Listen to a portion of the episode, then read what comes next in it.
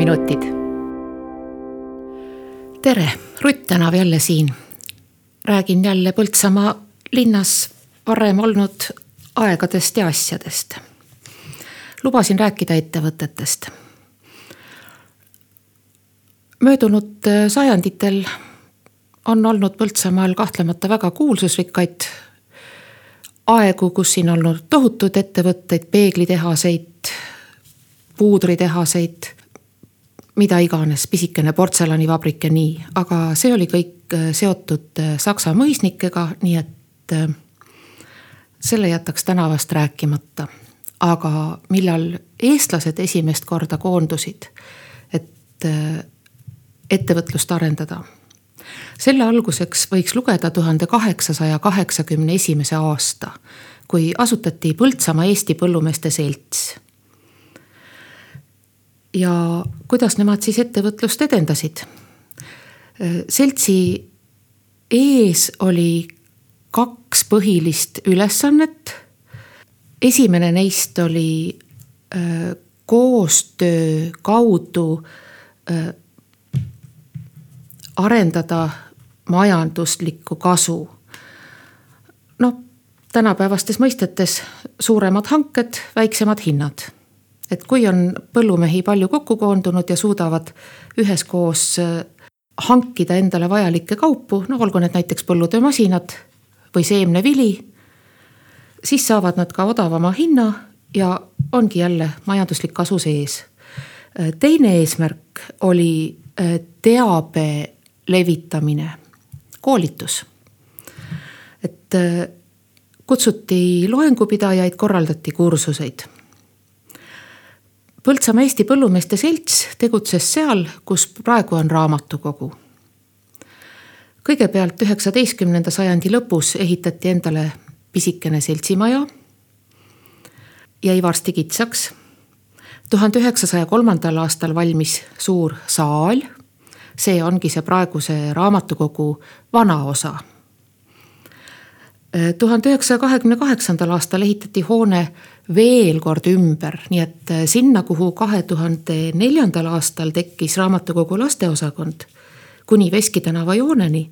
sinna oli kahekümnendate lõpus ehitatud kahekorruseline, no võib ka öelda selline hotell-restoran, põllumeeste kodu ja kõik suured peod äh, toimusid äh, siis selles seltsimajas ja suvised vabaõhuüritused toimusid seltsimaja taga.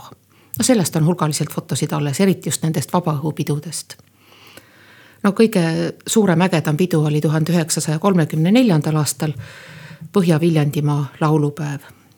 nii.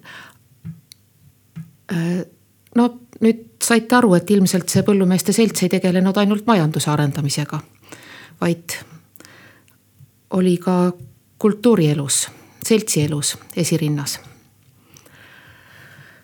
Lühikest aega oli alguses selle põllumeeste seltsi esimeheks doktor Jaan Raamot ja tema ideed viis hiljem ellu pikemat aega põllumeeste seltsi juhtinud eelmisest saatest juba tuttav Jaan Peterson Põldra.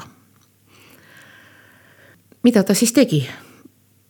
Mm, võib-olla üllatus, aga näiteks Järavere ühispiimatalitus ehk siis see, kus praegu on Imaveres äh, piimandusmuuseum. see on ka algatatud Põltsamaa Eesti Põllumeeste Seltsi poolt aga äh, Põltsamaal asutati tuhande üheksasaja kümnendal aastal piimaühing. abistati masinatarvitajate ühingu loomisel, pandi alus karjakontrollühingute võrgule. Ja praegu ongi kõigest sellest, mis Põltsamaa Eesti Põllumeeste Selts algatas, kõige tähtsamast Põltsamaa piimaühing tuhande üheksasaja kümnendal aastal küll asutati ka Põltsamaa ühispank. selle mm, raha tuli kokku põhiliselt põllupidajatelt ja laenati jälle välja ka põllumeestele. ja eriti pandi rõhku ühistegeliste ettevõtmiste finantseerimisele. tuhande üheksasaja kahekümne kaheksandal aastal ostis see pank ära ühe vana-vana maja Lossi tänaval ja ehitas uhkelt ümber. selles majas olidki ju pangad sees, küll ülemisel korrusel veel üheksakümnendatel aastatel ja kahe tuhandete alguse poole ka. nii et kahe tuhande viiendal aastal kolis sinna linnavalitsus, et nüüd saite aru, mis majast ma räägin. linnavalitsuse maja, et see on siis Põltsamaa ühispanga hoone. ja põllumeeste seltsi kaubandusosakonnana alustas äh, veel üks äh, praegugi olemasolev ühing, Põltsamaa Majandusühing ja tema alustas tuhande üheksasaja neljateistkümnendal aastal. no kõigepealt noh, niimoodi võeti väikselt ette, telliti põllumeestele vagun loomatoitu. hiljem ka põllutööriistu, sest erakaupmehed võtsid ülikõrget hinda nii et jällegi majandusühingu eesmärk oli saada põllumeestele kaupu odavama hinnaga. ja kasvas see pisikene ettevõtmine, mõningate kaupade hankimine kohe päris suureks kaubandusettevõtteks. ja kus tema asus? jah, see on praegu tühi koht. Nii, Vana-Põltsamaa mõisa kõrts, erakordselt pikk hoone, asus äh, vana Pritsimaja vastas. ja seal olidki Põltsamaa majandusühingul ruumid no vahepeal oli küll selline nimi ka, Põltsamaa Tarvitajate Ühing. tuhande üheksasaja kolmekümne neljandal aastal tehti selles majas uhke remont, nii et viimased ennesõjaaegsed fotod on ikka päris ilusad. ja siis võeti üle veel põllumeeste seltsi jahuladu, viljaladu, asutati viljapuhastuse punkt, loodi sigade vastuvõtupunkt, nii et muudkui, muudkui arenes see majandusühing ja liikmeid oli enne sõda isegi kolmesaja kanti. mis sellest majast pärast sai? no paljud meist mäletavad seda hilisemast sõjajärgsest ajast. ta põles küll sõja ajal ära kõigepealt, aga sõja alguses. aga sakslased ehitasid ta no suhteliselt kergelt ja odavalt üles hobusetalliks ja pärast sõda tekkis sellesse majja kino. nii et äh, tuhande üheksasaja kaheksakümnenda aasta paiku oli seal veel kino sees. ja lõplikud lammutustööd olidki vast nagu tuletõrjeõppused, et selliseid fotosid olen näinud, kus on tuletõrjeõppused varemetes. nüüd aga siis see kõige suurem, kõige tähtsam, mis Põltsamaa Eesti Põllumeeste Seltsi algatus oli, Põltsamaa Piimaühing nagu juba öeldud, tuhande üheksasaja kümnendal aastal ta asutati ja kui ta pidas oma saja aasta juubelit, siis oli mul põhjust selle teemaga natuke rohkem tegeleda. uurida piimaühingu ajalugu. piimakojaks üüriti kõigepealt ruumid eramajas kellegi Gustav Soopi majas. seal tehti vastavaid juurdeehitisi ja, ja toimis küll.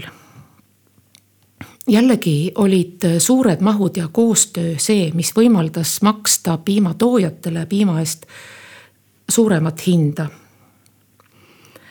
ja esimese üheksa kuu jooksul juba toodi piima kokku viissada viiskümmend viis tuhat naela no see on nüüd natukene meenutus jälle, et mis asi see nael võiks olla. üks nael on ligikaudu null koma neli kilogrammi. nii et äh, kakssada viiskümmend tonni üheksa kuuga piima. ja kuna mahud olid nii palju suurenenud, siis oligi vaja oma hoonet ka ja ehitati Välja tänavale, sinna, kus praegugi. ja see hoone kõigepealt sai seal valmis tuhande üheksasaja kaheteistkümnendal aastal.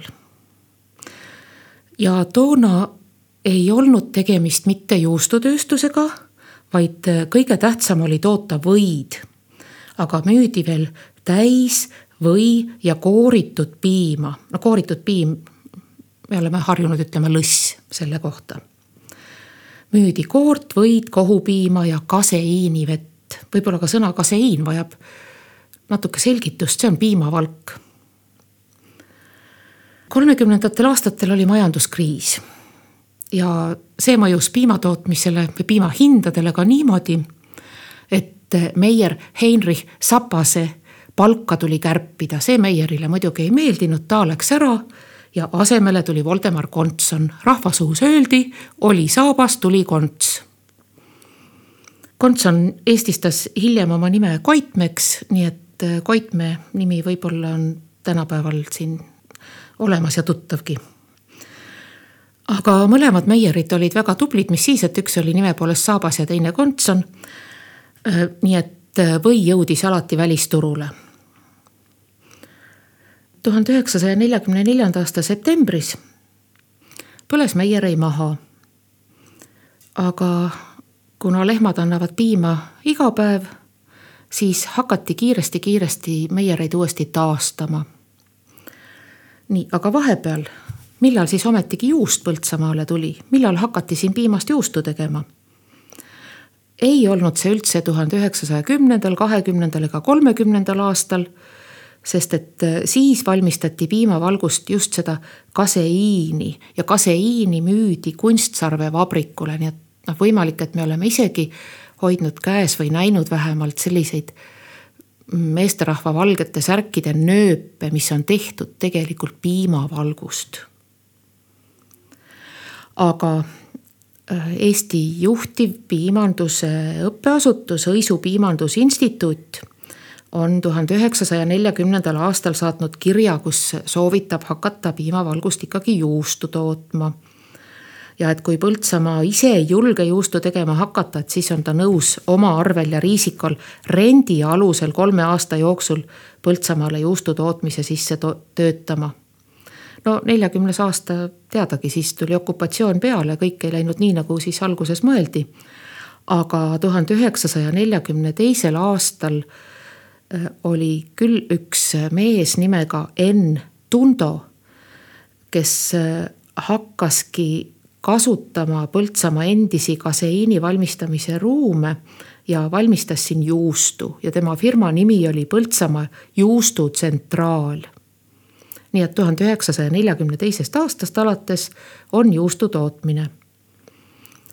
aga Tundo ei saanud ise seda teha väga kaua kui äh, neljakümne neljandal aastal Vene väed jällegi siiapoole jõudsid, siis äh, Tundo läks, õnnestus tal minna ära läände ja kuulduste järgi olevat ta jõudnud Ameerikasse ja seal jätkanud piimandusalast tegevust.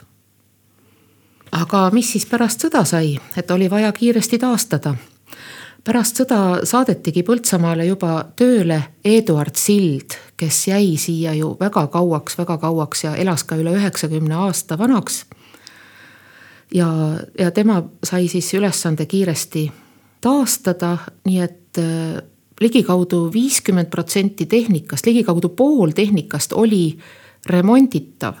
nii et äh, juba detsembris tuhat üheksasada nelikümmend neli oli võimalik äh, siin piima vastu võtta. kui hoone remontimine oli, siis hoone ehitati kahekorruseliseks, teine korrus sai korteriteks. ja seal oli puumaterjali vaja.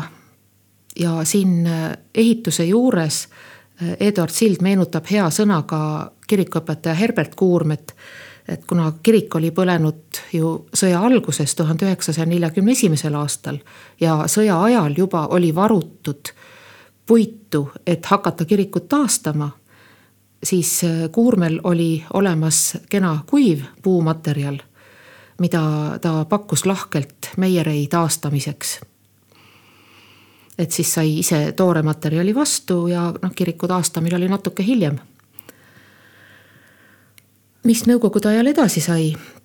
Tuhande üheksasaja viiekümnendal aastal nimetati see Meierei Põltsamaa võitööstuseks ja oli juurde liidetud see endine juustutsentraal ka. ja Eduard Sild jäi ikka juhiks. aga varsti küll tulid sellised tsentraliseerimised, nii et äh, võitööstus allus Tartu võitööstuse trustile. tuhande üheksasaja viiekümne üheksandal, kuuekümnendal aastal ehitati juustula. oli vaja sellist, kus saaks kakssada tonni juustu aastas valmistada. ja muudki veel, ehitati ka kortereid siis tuli aeg, kui kästi igas rajoonis, no maakondade imel siis ei olnud, siis maakonna tasemel olid rajoonid. Tuhande üheksasaja kuuekümne kolmandal aastal kästi siis moodustada igasse rajooni piimakombinaat. aga just kuuekümne kolmandal aastal olid rajoonid liidetud, Põltsamaa oli Jõgeva külge pandud. nii et äh, Jõgeva rajooni piimakombinaat asus Põltsamaal, sest siin olid tingimused paremad kui Jõgeval ja jälle läks aega mööda ja jälle leiti, et kulude kokkuhoiu eesmärgil on hea asutusi ühendada. tuhande üheksasaja seitsmekümne teisest aastast alates liideti see Jõgeva piimakombinaat asukohaga Põltsamaal Tartu piimakombinaadiga, nii et siia jäi Tartu piimakombinaadi tsehh. ja nii see asi siis käis nõukogude aja lõpuni. aga erastamisega oli Põltsamaa piimaühingul tuhande üheksasaja üheksakümnendatel aastatel päris huvitav lugu. Esimesel juulil tuhat üheksasada üheksakümmend üks loodi uus piimaühing Põltsamaal. juhatuse esimeheks sai Lustivere kolhoosi esimees Hendrik Allsaar, tegevdirektoriks Jaak Oidram ja Endel Epro oli peainsener. ja uuesti alustatud piimaühingu poolt alustati töötajatele kõigepealt üheksa korteri ehitust. ja kus need piimakombinaadi majad on, esimene maja on siis bussijaama taga, kuidas öeldagi, piimakombinaadi bussijaama ja Rimi poe vahel, et seal need töötajate korterid siis olid. minu enda esimene Põltsamaa mälestus on seotud ka just selle esimese piimakombinaadi majaga, mu tädi oli piimaühistus Ökonomist. mitte ühistus siis, aga noh, ütleme piimakombinaadis. Ja ta oli saanud ka ühes kahetoalises korteris ühe pisikese toa endale, nii et äh, kasutada üürile. et tal oli pisike raamatukapp, tal oli pisike diivan ja pisike laud ja, ja minu suur elamus oli see, et äh, linnas on öösel valge. et, et selline maja aga siis äh, laiendati üheksakümnendate algul veel juustu valmistamist, ehitati külmhoone juustu paigutamiseks. ja tuhande üheksasaja üheksakümne kolmandal aastal nimetati Põltsamaa piimaühing Põltsamaa piimaühistuks ja juhatuse esimeheks valiti talupidaja Toivo Gens. ja tegevdirektoriks Taavi Aas. üheksakümne seitsmendal aastal ühinesid Järva-Jaani piimaühistu ja ühistu Haimre Piim ning sellest ajast alates ongi olemas tulundusühistu Eesti Piim. sellega siis Põltsamaa Piimaühistu liitus üheksakümne kaheksandal aastal. ja kogu see piimaühistu lugu, selle on ise pannud kirja Eduard Sild, Eduard Silla mälestusi veel on pannud kirja Vilja Roots ning Põltsamaa muuseumis oli ka Põltsamaa piimaühingu dokumente, nii et, et nende Nende põhjal on siis see piimaühingu jutt kokku pandud. nüüd äh, natukene noorem ja ka ühistegeline ettevõte, aga mitte siis kohalike talumeeste, kohalike piimatootjate asutatud ettevõte, vaid üleriigiline ETK, Eesti Tarvitajate Ühisuste Keskühisuse asutatud Põltsamaa tehased ehk siis hiljem teame teda Eteka Velli ja veel hiljem nüüd Felixi nime all. no Orkla nimi käib siis kõige lõppu. sellega oli niimoodi, et ETK Põltsamaa tehased said alguse tuhande üheksasaja kahekümnendal aastal, et kümme aastat hiljem kui piimaühisus. millest nemad alguse said, oli maareform kui tuhat üheksasada üheksateist, tuhat üheksasada kakskümmend võeti mõisatelt ära valdused ja valdavalt said siis kõik need maad ja majad riigi omaks. ja kus mõisas tehti põllumajanduskool, kus pandi lihtsalt mõni kool sisse, kus äh, midagi toimus. aga vana Põltsamaa mõisa maadest ja majandushoonetest. no kõige uhkemana vana viinavabrik, järgmiseks vana õllevabrik, siis seal kompleksis Härja tall.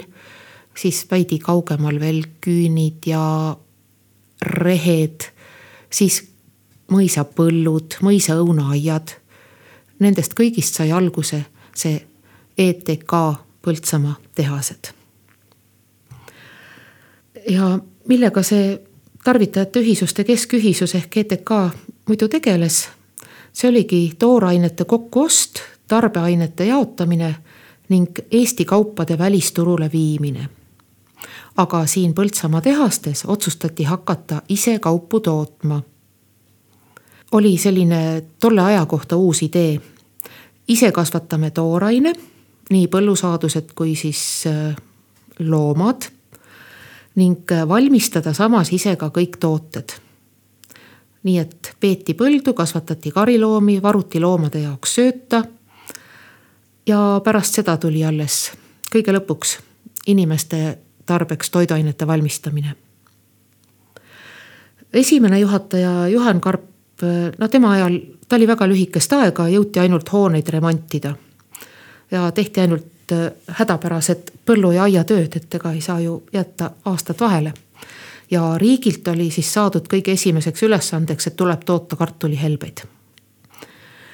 kahekümne esimese aasta augustist alates kuni teise maailmasõja lõpuni juhtis tehaseid Enn Piirimäe.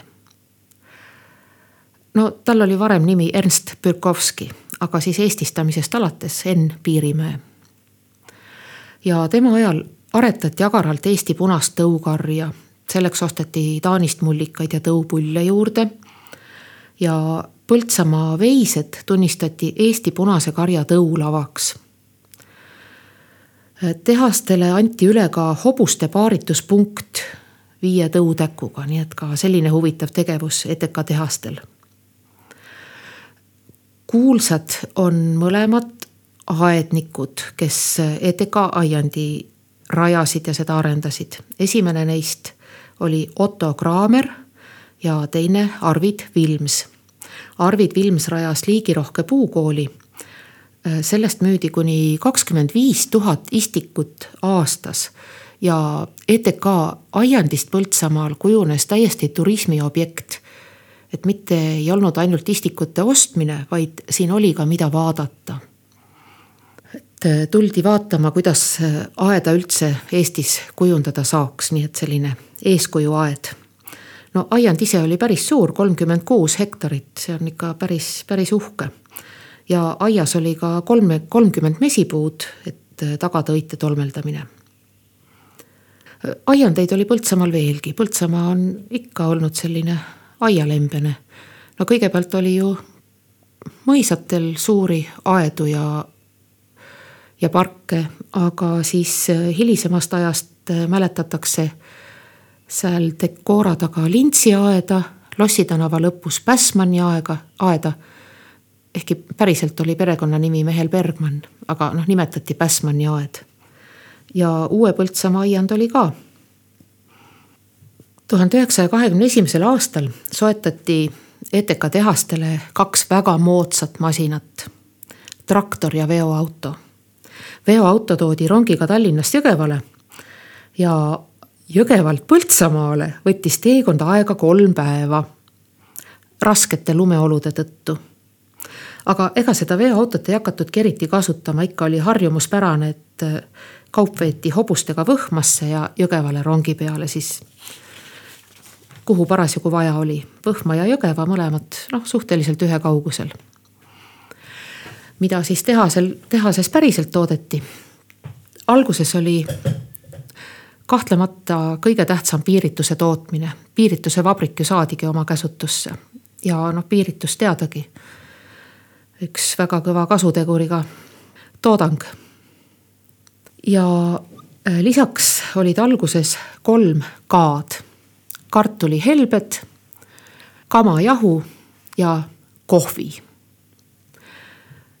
kohvi valmistati tuhande üheksasaja kolmekümnenda aastani, kuni läks kohvivabrik põlema, siis loobuti. aga muidu kohvi tehti kolme tüüpi. oakohvi, no ilmselt kohviube ise ei kasvatatud, et see oli nüüd küll eksport, et kui muidu oli jutt, et äh, kõike valmistati ise, kasvatati ise. aga oli ka siguritega kohv ja sigurid on ju ka asi, mida tuleb röstida.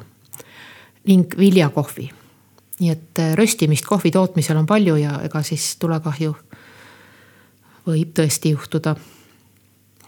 kartulihelvestega oli jällegi niimoodi, et kartulihelbeid riigi soovil toodeti ja toodeti ja toodeti. Ja idee oli müüa need Nõukogude Venemaale aga noh, siin ka tänapäevase elukogemusega inimene võib öelda, et Venemaaga kauplemine on üks selline suhteliselt äh, ebakindla iseloomuga asi. ja nii jäid ka need kartulihelbed Venemaale müümata. ja nendest aeti lõpuks kah piiritus. aga siis aednik Arvid Vilms saadeti tuhande üheksasaja kolmekümnendatel aastatel Inglismaale konserveerimist õppima ja ka konserveerimise masinaid hankima ja koostöösuhteid looma ja noh, kõike, mis sinna juurde käib. ja tuhande üheksasaja kolmekümne kuuendal aastal algaski konserveerimine Põltsamaa tehastes. esimesed olid mustsõstra vesihoidised. ja neid oli võimalik siis ka Inglismaale müüa. Muidu purki pandi veel kurke, ploome, pirne, salateid, keediseid ja siis äh, veini tootmine, muidugi veini tootmine tuhande üheksasaja kahekümnendatest, et kahekümne esimesel aastal pandi esimesed seitse vaati õunaveini käärima. ja on ilmunud äh, ajalehes ühistegelised uudised. eks need ongi selle ETK süsteemi ajaleht. selline kuulutus. ETK vein mispärast on ETK Põltsamaa tehaste naturaalsed õuna ja marjaveinid võitnud tarbijate laialise lugupidamise? sellepärast, et nad on puhta maitsega ja valmistatud ilma lisaaineteta. oma kõrge väärtuse poolest ei leia nad ühtegi võistlejat. veinil lasti kolm kuni viis aastat tammevaatides laagerduda ja näiteks selle tuhande üheksasaja kolmekümnenda aasta tulekahju, mis kohvi tootmise hävitas selle aasta majandustulemuse päästis just veinimüük. nii et äh, ligikaudu sada tuhat liitrit väga head veini müüdi aastas. no tuhande üheksasaja kolmekümne neljandal aastal valmis näiteks esimene vahuvein, Mussekk. valmistati veel sellise nimega veine nagu Madeira, kirikuvein ja noh, palju-palju huvitavat kuidas käis ETK tehastes töökorraldus, ka sellest on kirjutatud. hommikuti suunas põllutöölised tööle direktor Piirimäe. aiatöölised suunas tööle aednik Kraamer ja vabrikutöölised siis Arvid Vilms. ja kõige paremad mehed said oma töö kätte esimestena ja kehvematele anti ülesanne viimastena, et niimoodi oli sõnadeta selge, kellest rohkem lugu peetakse ja selline motiveerimise meetod siis aga jõudis kätte ka siin sõjaaeg. kahekümnendal juulil nelikümmend üks tabas mürsk, mürsk tehase peahoonet. Õnneks hävis ainult katus. tuhande üheksasaja neljakümne neljanda aasta lõpus arreteeriti ja mõrvati direktor Enn Piirimäe. Nõukogude ajal oli pikka aega direktoriks Meinhard Karelson. kakskümmend aastat peaaegu juhtis tema seda tehast ja nõukogude ajal nimetati ETK tehased ümber, aga mitte väga erineva nimega. siis oli ETKVL Põltsamaa põllumajanduskombinaat. pärast sõda oli kõigepealt vaja ehitada saeveski. ei olnud niimoodi, et kohe hakkame kurke purki panema, vaid kõigepealt tuli siis luua uuesti need hooned ja võimalused, kus üldse tööd teha kombinaat ei saanud tegeleda puhtalt veini ja konservide valmistamisega, kõigepealt tuli metsa varuda, et ehitusmaterjale saada. ise oma meestega tuli hooned valmis ehitada.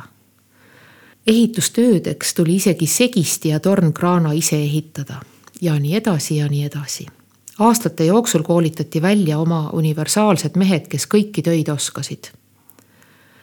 ja nõukogudeaegset äh, tehnikat ja tootmisliine ehitasid ka oma tehase ratsionaliseerijad niimoodi ümber, et äh, hiljem kasutati nende meetodeid äh, kogu sellel suurel Nõukogude maal. näiteks purgipesuliin, mida mujal ei hakatudki kasutama, sest et ta lõhkus kogu aeg purke. Siis Põltsamaa meestel õnnestus see purgipesuliin teha selliseks, et purkide purunemine vähenes viis korda. tärklist toodeti Etekavellis tuhande üheksasaja neljakümne kaheksandast aastast. aga ligikaudu kakskümmend aastat hiljem viidi see üle Nurgale, see on siis endises Pajusi vallas, Pajusi Kalana taga. Ja kuuekümne kaheksandal aastal müüdigi Pajusi kolhoosile see nurgavabrik ja sellest sai Pajusi veinitehas hiljem.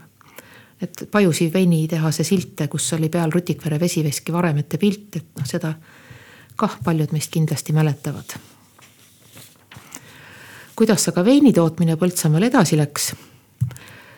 esimestel nõukogude aastatel toodeti ainult punast veini. Viiekümne üheksandast aastast alates on olemas Põltsamaa tõmmu ja Põltsamaa kuldne. Need on siis Jaan Jaanre, väga kuulsa veinimeistri tehtud veinid. aga kuuekümne üheksandaks aastaks toodeti juba kahtekümmet kaheksat erinevat veinisorti kuna aga pärast sõda ja ka veel kuuekümnendatel oli suhkrust suur puudus, siis äh, anti kõrgemalt poolt korraldus kõvendada veine piiritusega. niimoodi ei pidanud kulutama kuigi palju suhkrut marjamahla kääritamiseks. aga kangus anti sellele joogile piiritusega. sai kangema veini ja lühema ajaga aga kvaliteet ei olnud päris see. ja Põltsamaal elanud kirjanik kunagi no ütleme nooremast peast siis või, või sellel ajal oli välja mõelnud sellise sõna nagu peedivesi, oli vaadanud seda punast veini pokaalis või lihtsamas klaasis vastu valgust ja vaadanud, öelnud, see näeb välja nagu peedivesi. et siis peedi nimi on Henn Kaarel Hellatilt pärit ja nüüd saab ka aastakümnetest edasi hüpata, jõuda kaheksakümne viienda aasta kuiva seaduse juurde. selle kuiva seaduse tõttu tekkisid Põltsamaal taas aastakäigu veinid. oleks pidanud võib-olla veinid jõkke kallama, aga jäeti osa siiski salamisi vaatidisse kuhugi tahapoole alles. ja kui tuul jälle mõne aasta pärast pööras, siis tuli välja, et ohoo, salavaadis on eriti maitsev vein et see oli siis Põltsamaa esimene aastakäiguvein Põltsamaa kuldne tuhat üheksasada kaheksakümmend kuus. ja võib-olla kõige rohkem inimesi kõnetav teema on see kosmose teema Põltsamaa Etekavelli tehase puhul. kuuekümne esimesel aastal toodi konservitehasesse tuubiliin. see oli Nõukogude Liidus esimene. no võib-olla ta ei olnudki esimene, mis toodi Nõukogude Liitu aga Põltsamaa oli esimene koht, kus mehed suutsid sellega tööle panna. ja kuna just kuuekümne esimesest aastast algas ju ka kosmoseepopöa, siis äh, oligi Põltsamaa tehases tuubi pandav toit esimene, mida üldse sai kasutada. nii et äh, tuhande üheksasaja kuuekümne seitsmendast kuni seitsmekümne teise aastani telliti kosmonautidele toit Põltsamaalt ette olid antud borši, hartšoo ja hapukapsasupi retseptid, aga kohapeal mõeldi siis veel välja igasuguseid toite, pasteete, no mida me veel seal tuube näeme muuseumis, kohupiimakreem, šokolaadipasta, kohvi, mahlad, kõik mõeldav toit. ja mitmed kosmonaudid on Põltsamaal ka külas käinud nii seitsmekümnendatel kui siis siin suhteliselt hiljuti tuhande üheksasaja kuuekümnendatel aastatel toimus üldse Põltsamaal konservitehases kiire areng. valmistati, loodigi uus konservitehas. hakati valmistama viljalihaga mahlasid, ehk siis soome keelest võeti selline sõna mehu tarvitusele. mõeldi välja sari Kodu džemm, moosid, millel on suhkrut mitte kuuskümmend protsenti, vaid viiskümmend protsenti. Ehk siis oluliselt vähem. ja üks tehnoloog, Irene Leidväli, töötas välja üle kuuekümne erineva toote. jätkati ka traditsioonilist loomakasvatust, Eesti punase karja aretamist ja hobuse kasvatust ja ja mitme suurepärase lehma ja, ja ühe tõumära eest saadi Moskvast rahvamajanduse saavutuste näituselt auhind. auhinnaks oli kaks veoautot. Et sellised nõukogudeaegsed lood siis Etekavelli tehases. Moodsad ajad tulid Põltsamaa tehasesse Indiast. tuhande üheksasaja kaheksakümne seitsmendal aastal seati üles kontsentreeritud õunamahla tehas ja tuli tetrapakiliin, nii et siis oli Põltsamaal jälle palju elevust, kui olid India mehed konservitehast siin sättimas. Aga kuna me räägime siin minevikust, siis üheksakümnendatest nüüd enam kaugemale ei tule mitte ja allikaks sellest Põltsamaa ETK tehasest ja ETKVL Põltsamaa põllumajanduskombinaadist rääkimisel olid tehase juubelitrükised. ja nende juubelitrükiste järgi põhiliselt ning ka varem tehases olnud pisikese muuseumi materjalide järgi sai ju Põltsamaale veinikeldri taha tuppa tehtud toidumuuseum kunagi.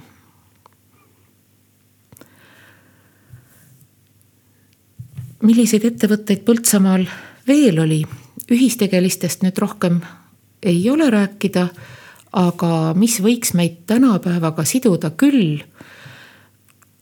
praeguse Roosi saare peal, toonasel Kaubasaarel või Ärila saarel olid vennad Sinkad. Friedrich ja Jüri Sinka ja tegelesid äh, mehaanikatööga, noh metallitööga.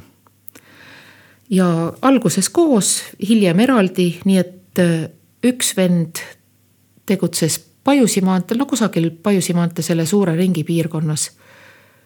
aga teise venna tööelu viis edasi Uue Põltsamaa mõisa lautadesse ja sellest sai nõukogude ajal progressi tehas, tänapäeval siis Kitzinger Progress.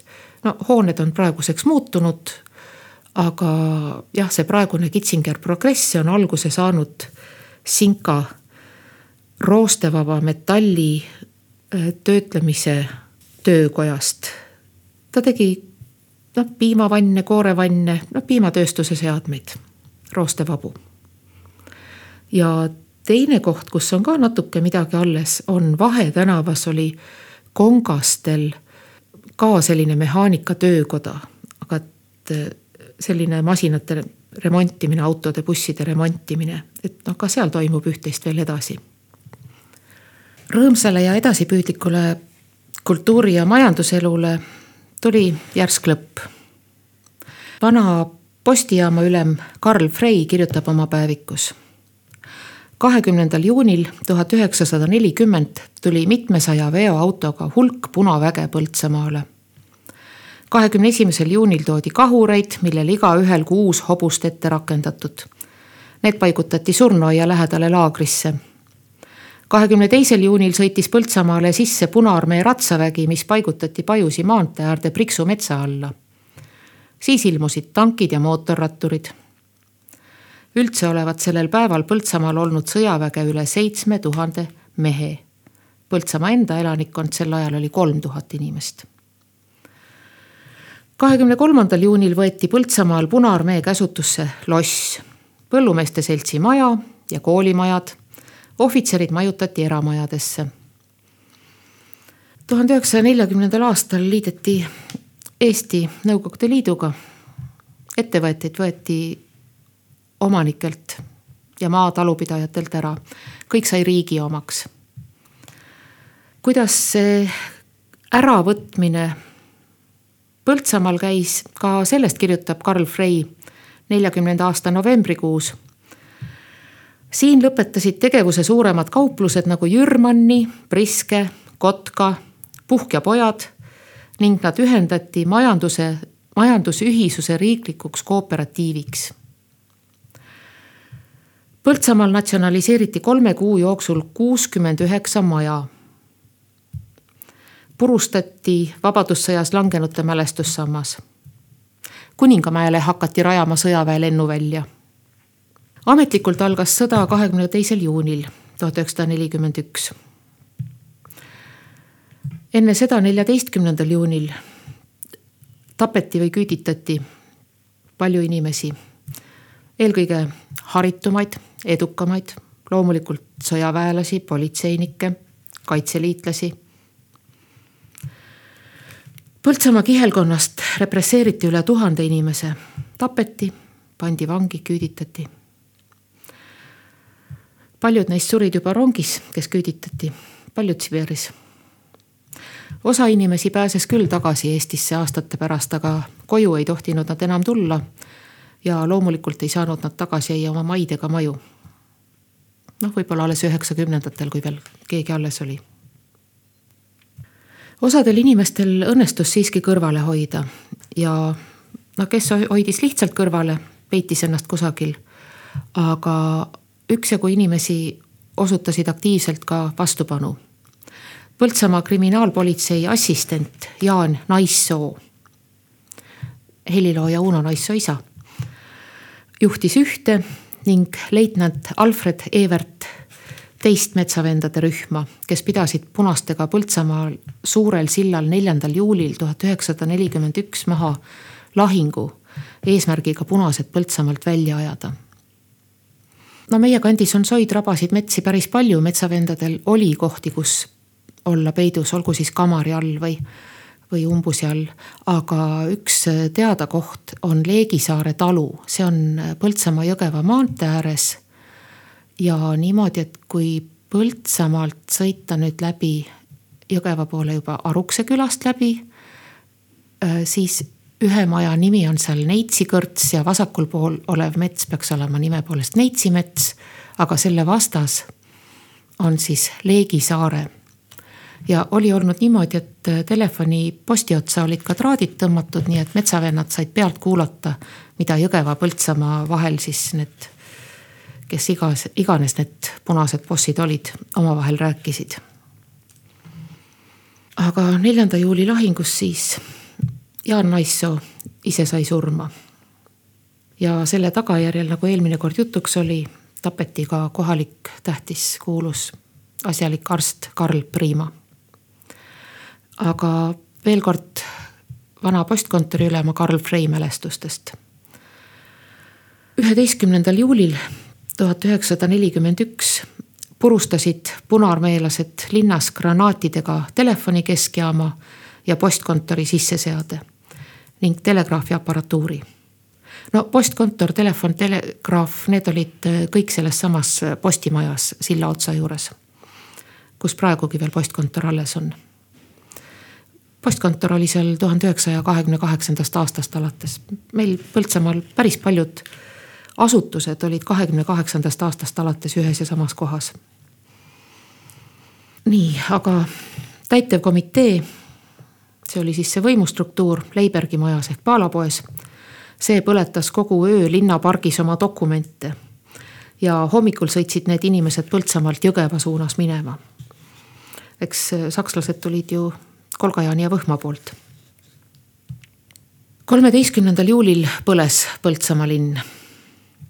kogu järgneva öö kestis suurtükkidest tulistamine, kella kahe paiku öösel süttisid põlema suure silla juures päevapiltnik Kanguri maja.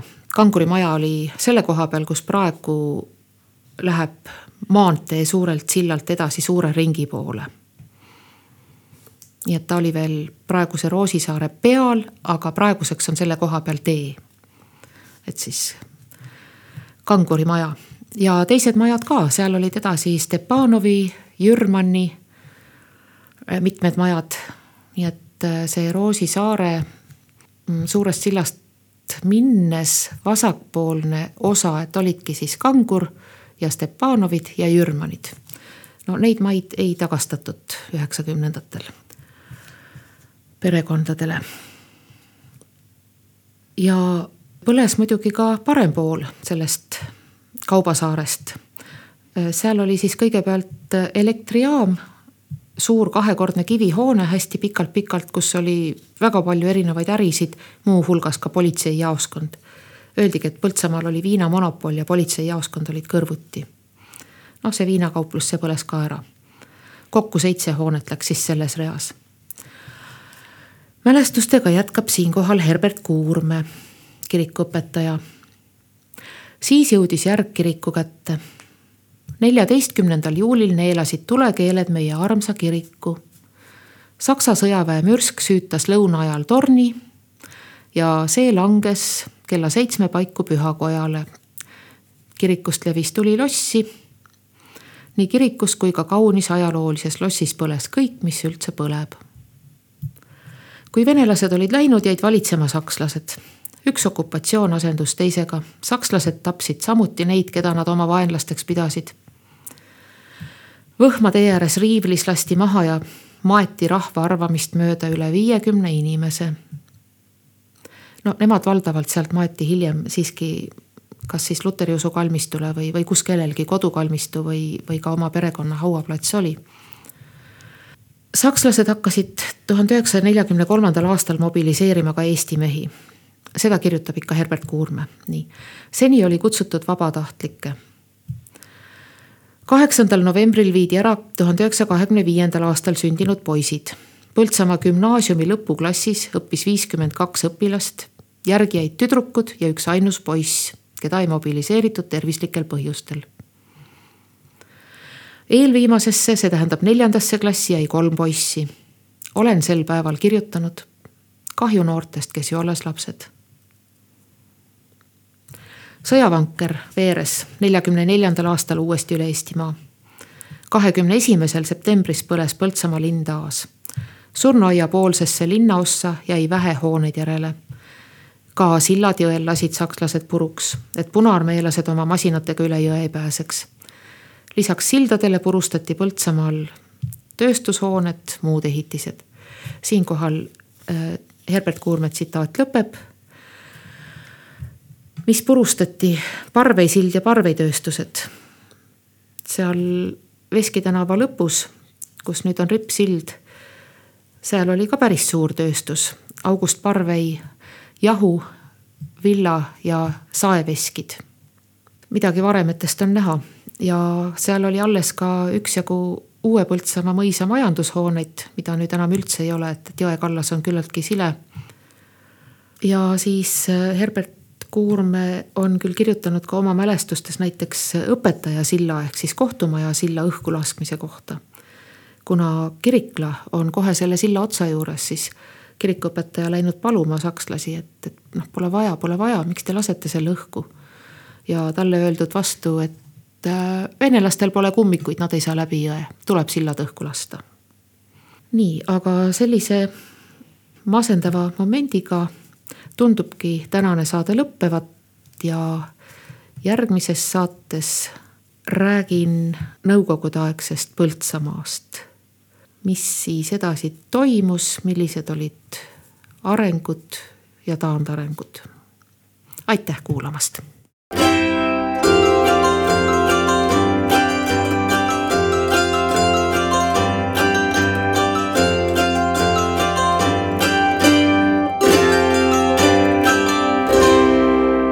minevikuminutid